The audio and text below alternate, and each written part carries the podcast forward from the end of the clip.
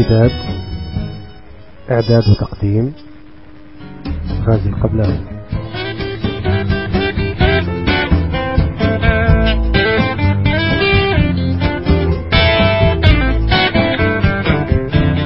مرحبا بكم في الحلقة الرابعة من برنامج امتداد. امتداد برنامج ثقافي متنوع يبث من لندن بواسطة تقنية البودكاستنج في هذه الحلقة جولة إخبارية ثقافية سريعة كما نستعرض العدد الأخير لمجلة بانيبال التي تعنى بالأدب العربي المترجم للإنجليزية وستكون هناك قراءة شعرية لنصوص الشاعر البريطاني دون باترسون الذي يعد أحد أهم الأصوات الشعرية الشابة في بريطانيا.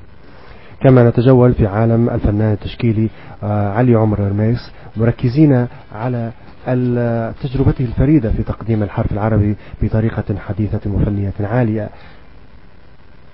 إذا وقبل البدء هذه جولة إخبارية سريعة.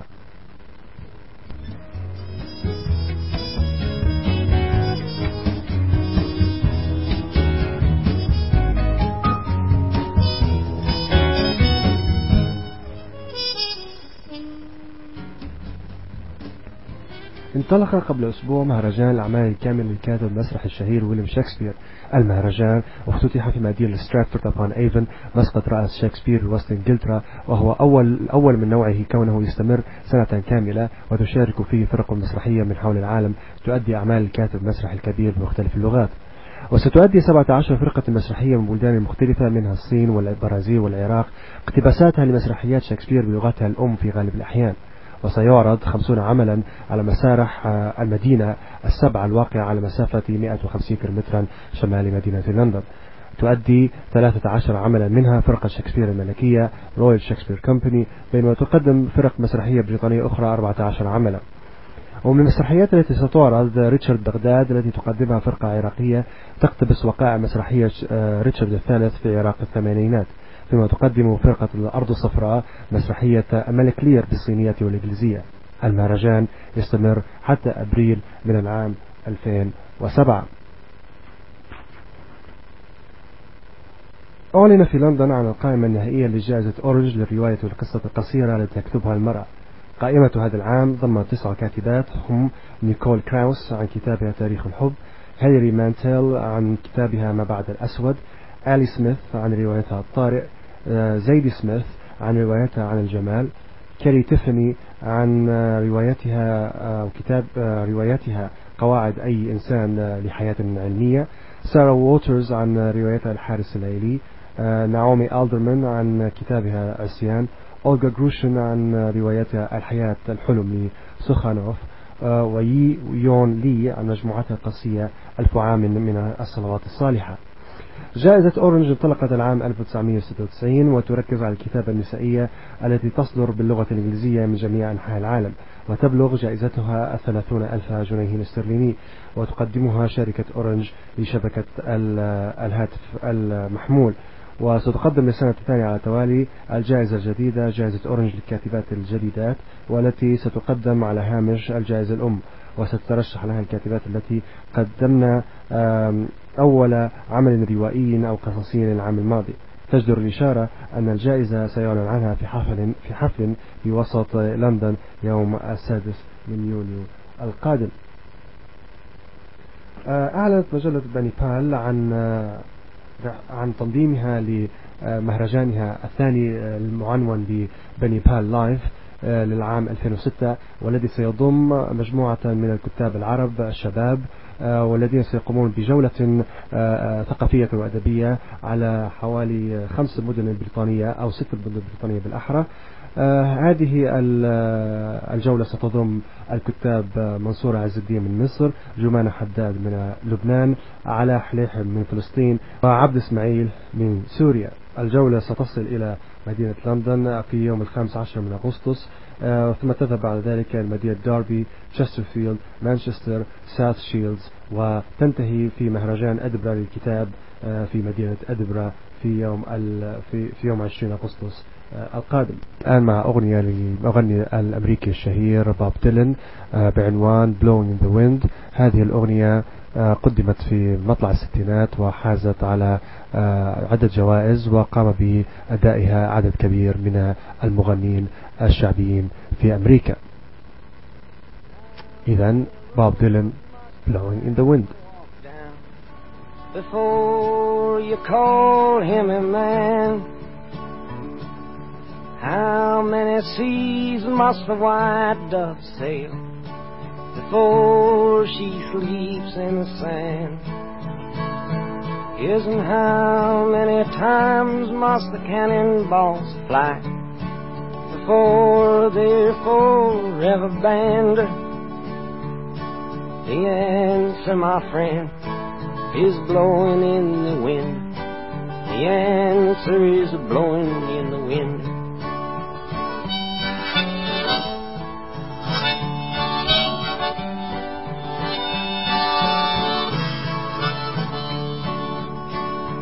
Yes, and how many years can a mountain exist before it is washed to the sea? Yes, and how many years can some people exist before they're allowed to be free?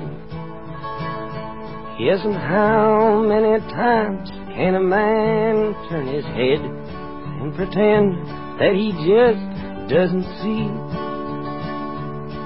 The answer, my friend, is blowing in the wind.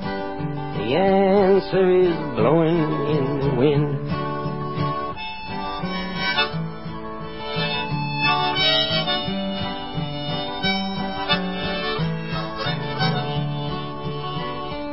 Yes, and how many times must a man look up before he can see the sky? Yes, and how many ears must one man have before he can hear people cry? Yes, and how many deaths will it take till he knows that too many people have died? The answer, my friend, is blowing in the wind. The answer is blowing in the wind.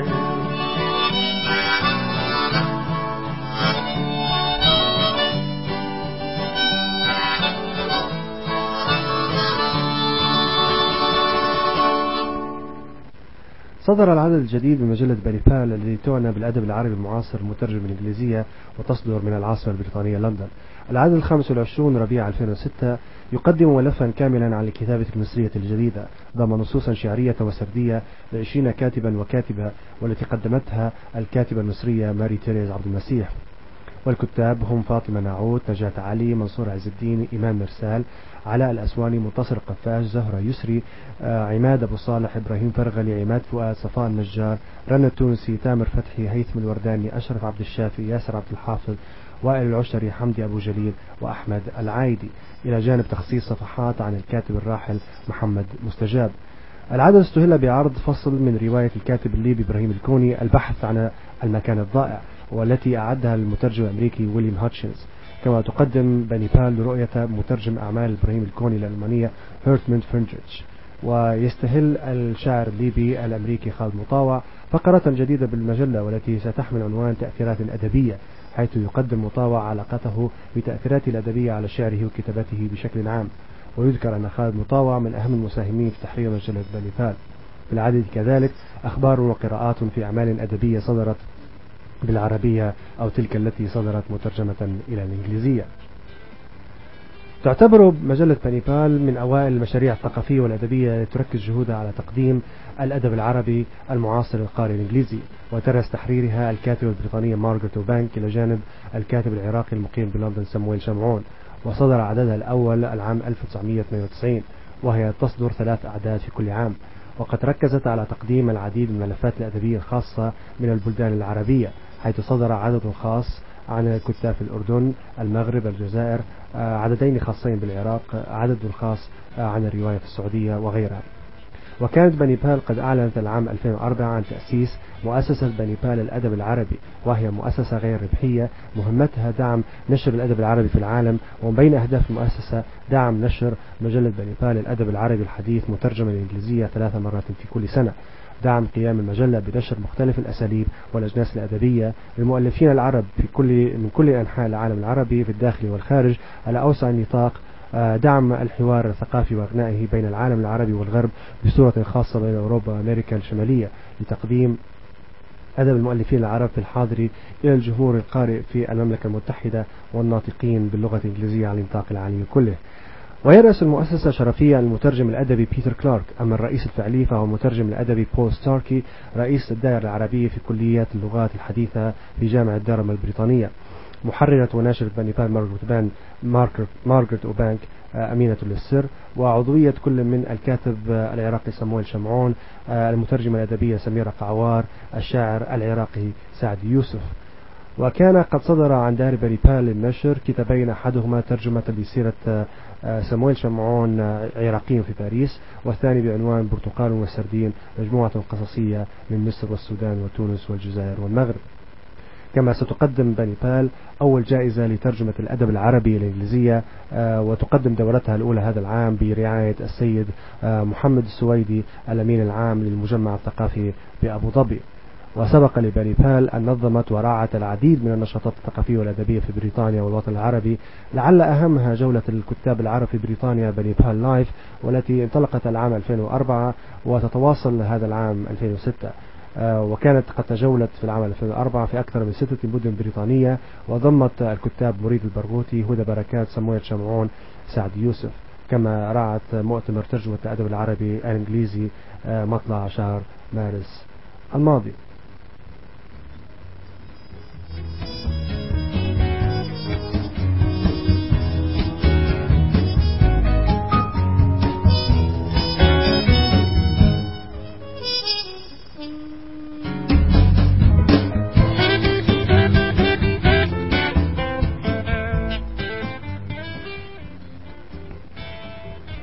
ثلاث قصائد للشاعر البريطاني دون باترسون. دون باترسون هو أحد الشعراء المميزين على الصعيد البريطاني آه الذي قدم العديد من المجموعات الشعرية وفاز مؤخرا بجائزة تي إس إليوت آه للشعر والتي تعتبر من أهم الجوائز الشعرية في بريطانيا. القصائد هي من مجموعته الشعرية الأخيرة التي فازت بالجائزة. العينان. عندما ماتت حبيبته قرر أن يهرم أغلق على نفسه المنزل الفارغ لوحده مع ذكرياته لها والمرآة مشمسة ضخمة حيث كانت تمشط شعرها. هذه الكتلة الذهبية الكبيرة التي يدخرها مثل بخيل معتقدا أنه هنا على الأقل سيحبس الماضي بتركه إحداها سليمة. ولكن مع مطلع الذكرى السنوية الأولى بدأ يتساءل من شدة هلعه عن عينيها أكانتا بنيتين أم سوداوين أم رماديتين خضروين. يا إلهي لا أستطيع أن أجيب في إحدى الصباحات الربيعية حيث انهار بداخله حاملا أساه التوأم كالصليب. أغلق الباب الأمامي استدار ناحية الشارع وأمن مشى عشر يردات في زقاق مظلم لمح عينين تلمعان. أنزل حافة قبعته وتابع المشي نعم كانتا مثل تلك مثل تلك. إيمان. الإله ليس البحر ولكن من طبيعته. يتبعثر كضوء القمر على الماء أو يظهر في الأفق مثل شراع. البحر حيث يستيقظ أو يغرق في الأحلام. خلق البحر ومثل الغيوم والعواصف يولد منه. مرة بعد مرة. لذا يجد الخالق نفسه منتعشا بمخلوقه. ينمو من نفس الروح التي ينفخها. سأخلقك أيها الإله مثلما خلقتني. أعيد الروح التي منحت منحتني إياها. بمرور الوقت أكشف اسمك باسمي. دع ذلك المصدر الطاهر الذي ينهمر قلبه الفارغ علينا. ينهمر من خلال قلبي كذلك. ودع النهر العكر لكل إيمان بلا قلب يجف إلى الأبد. زملاء الفراش. فوق الفراش بما يقارب البوصة البقعة الصفراء العمياء تحون حيث مسحت الرأس الدبق لآخر المتكئين الزهور. كل ليلة علي أن أريح رأسي في هالته الميتة أحس بقلبه يخفق في معصمي. بعد ذلك تحت الوسادة يعاود صوته المختنق إشارته الكئيبة. هناك طرق أخرى لمغادرة الحجرة غير الباب والنافذة.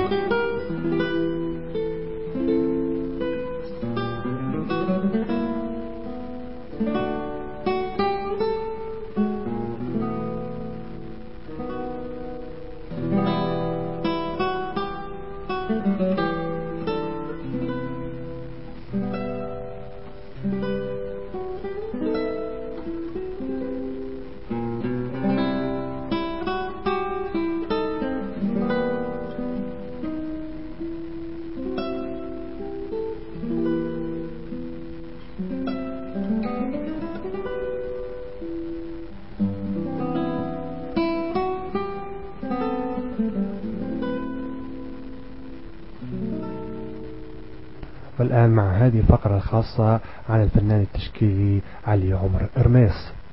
علي عمر إرميس فنان يعتبره الكثيرون من أهم الفنانين المسلمين الذين اتخذوا من بريطانيا مقرا مقرا للإقامة لهم منذ أكثر من ثلاثة عقود. وفي لوحاته تبرز الشعرية العالية من خلال الاستفادة من تشكيل الحرف العربي بمختلف طرق رسمه وهو يقدم الحرف العربي الذي يسبح في بحر من الألوان النافرة أحيانا والهادئة أحيانا أخرى. وهو يعتمد الإكريليك كمادة للتعبير في كل لوحاته ويهدف علي ارميس لتقديم بعد حضاري عن الإسلام والعرب من خلال إتقانه تطويع الحرف العربي الذي يبدو مجردا من دلالاته اللغوية والنحوية ولد الفنان علي رميس في ليبيا العام 1945 ودرس الفن في مدرسة التصميم في بليموث للتصميم والعمارة. وبعد ذلك درس في سنترال سانت مارتن ورجع لليبيا وفي العام 1981 قرر الاستقرار في بريطانيا. عمل في مهرجان العالم الإسلامي كمستشار كما أقام وشارك منذ العام 1965 في أكثر من 50 معرضا في معظم العواصم العالمية. آه، لوحاته موجودة في المتحف البريطاني والمتحف الاثنين في روتردام ومتحف الإشموليان في آه، اوكسفورد والمتحف الوطني في ماليزيا والمتحف الوطني بعمان وبيت القرآن بالبحرين. كما توجد أعماله ضمن مجموعات شخصية في عمان والكويت وماليزيا ومن بينها مجموعة الأمير تشارلز الفنية الخاصة والمجموعات الخاصة بالحكومة البريطانية رئاسة الوزراء. كما يمارس التصوير الضوئي والكتابة الشعرية ويعمل مستشارا فنيا للعديد من الجهات الفنية والمعمارية ولديه العديد من المساهمات الثقافية والخيرية. يقدم علي رميس لوحات كبيرة تقوم أحيانا على حرف ثابت أو تكرار للحرف في أكثر من شكل وأكثر من وضع وفي اللوحة شروحات وتعليقات شعرية. وهنا تلعب ذائقة الشعر الأدبية دورا في تقديم نص آه، كتابي باللون عن الحضارة العربية والإسلامية وهو يختار أشعاره من كتب المختارات الأدبية العربية مثل العقد الفريد وبهجة المجاز والأغاني. إلا أن أعماله الأخيرة تستند على الشعر العربي المعاصر من أمثال البارودي والجيل الذي جاء بعد أحمد شوقي وغيرهم. وفي العادة آه، يرسم إرميس لوحاته آه، على سلسلة في سلسلة من اللوحات المكملة بعضها لبعض. وكان علي إرميس قد أعاد رسم وكتابة المعلقات الشعرية السبع في لوحات بالغة الجمال في محاولة منه لأن يعيد دور المعلقة الشعرية التي يقال أن العرب كتبوها بماء الذهب وعلقوها على جدران الكعبة. إن بروز الحرف العربي والكتابة العربية في أعمال علي رميس يجعل الحرف جزءا من التشكيل الفني في اللوحة مع التركيز على اللون ووضع الحرف نفسه. وفي أغلب الأحيان يعتمد الرسم المغاربي للحرف العربي الذي ينحدر من الخط الكوفي المحسن والمنتشر في شمال أفريقيا والأندلس. وتعبر الأبيات الشعرية والأقوال الأدبية المستخدمة عن معاني متعددة من بينها الدعوة للعدل والسلام وحقوق الإنسان وحماية البيئة والمسؤوليات الاجتماعية والأخلاقية. آه، تعتبر آخر أعمال الفنان المعروف علي آه، أرميس آه، وهي لوحة رسمها العام 2004 واختار اللون الأصفر الباهت على خلفية من الأبيض لتضليل ما أسماه اليوم العادي في حياة في حياة العراقيين تحت الاحتلال. وفي سلسلة لوحات ثلاث تحت عنوان يا ضمير العالم أين الضمير؟ تساءل, تساءل فيها بالأحمر القاني على خلفية حروفية سوداء عن معنى الظلم والعدل واستخدم في هذه اللوحات قصيدة الشاعر العراقي المعروف محمد مهدي الجواهري. ولوحة أي ضمير العالم أين الضمير؟ كان جزءا من المعرض الذي افتتح في قاعة المزادات الشهيرة بلندن كريستي للفن الإسلامي العام 2005 آه، المزاد الذي أقامته دار كريستي لأول مرة لفنان عربي آه، للاحتفال بالفن الإسلامي آه، قدمت من خلاله عددا من لوحاته القديمة والتي تعود إلى الثمانينات مع لوحاته الجديدة التي من بينها لوحته شكو ماكو واللوحة الثانية المكملة ماكوشي وعاد ريع المزاد لمنظمات خيرية تدعم فلسطين والعراق وضم لوحات كبيرة وأخرى صغيرة الحجم وبعض اللوحات وصل حجمها إلى ستة أمتار وتعتبر أعمال الفنان علي رميس من أكثر الأعمال اقتناء في المتاحف والمجموعات الخاصة في الدول العربية والإسلامية والمتاحف الغربية. آه، ندعوكم إلى زيارة موقع آه، الفنان علي رميس على شبكة الإنترنت والذي ستجدون رابطا له آه، في موقع بودكاست امتداد. إذا هذه جولة سريعة على مجمل أعمال الفنان علي رميس. آه، إذا ننتقل بعد ذلك إلى الفقرة الأخيرة في هذه الحلقة وهي أغنية للفنان المغني الأمريكي آه، آه، جوني كاش بعنوان هيرت ألم. وهذه الأغنية كتبها وغناها جوني كاش قبل وفاته بعدة أشهر. إذا جوني كاش hurt.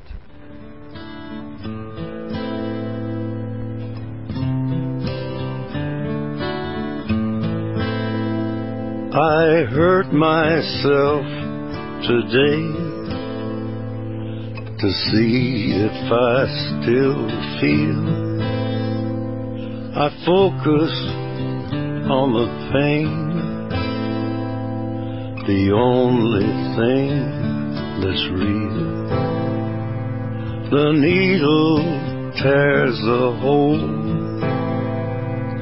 the old familiar sting. Try to kill it all away, but I remember everything. What have I become? My sweetest friend everyone I know goes away in the end. And you could have it all. My empire of dirt.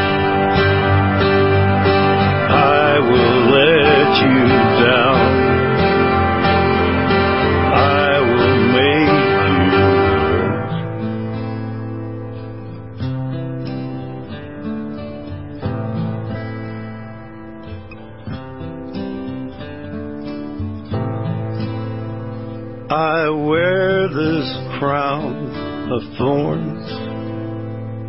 upon my liar's chair, full of broken thoughts I cannot repair. Beneath the stains of time, the feelings disappear. You are someone else. I am still right here. What have I become? ختام هذه الحلقة الرابعة. نشكر جميع الأصدقاء والمستمعين الذين بعثوا بملاحظاتهم عبر موقع البودكاست امتداد.blogspot.com وإلى لقاء آخر يتجدد. هذا غازي قبلاوي يحييكم. إلى اللقاء. And you could have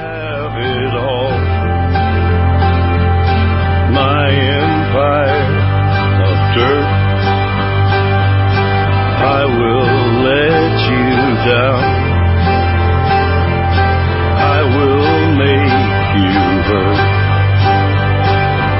If I could start.